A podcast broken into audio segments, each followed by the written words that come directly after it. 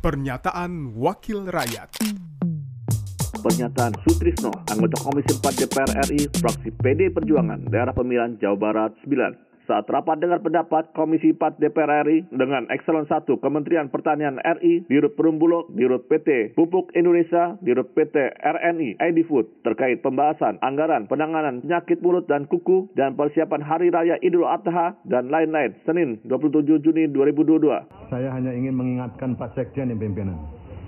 Pak Sekjen sebagai pembantu menteri. Menteri sebagai pembantu presiden. Sudah barang tentu harus mengamankan apa yang telah menjadi keputusan presiden. Ya, karena tupoksinya bagaimana menangani PMK itu kan ada di Kementerian Pertanian. Ya. Jadi sebagai penanggung jawab pemerintahan, mandat rakyat kepada presiden, presiden wajib mengambil alih manakala persoalan tidak segera diselesaikan. Itu. Jadi cepat lambatnya 4,6 triliun itu bagaimana Kementerian Pertanian meyakinkan kepada yang punya uang untuk memutuskan.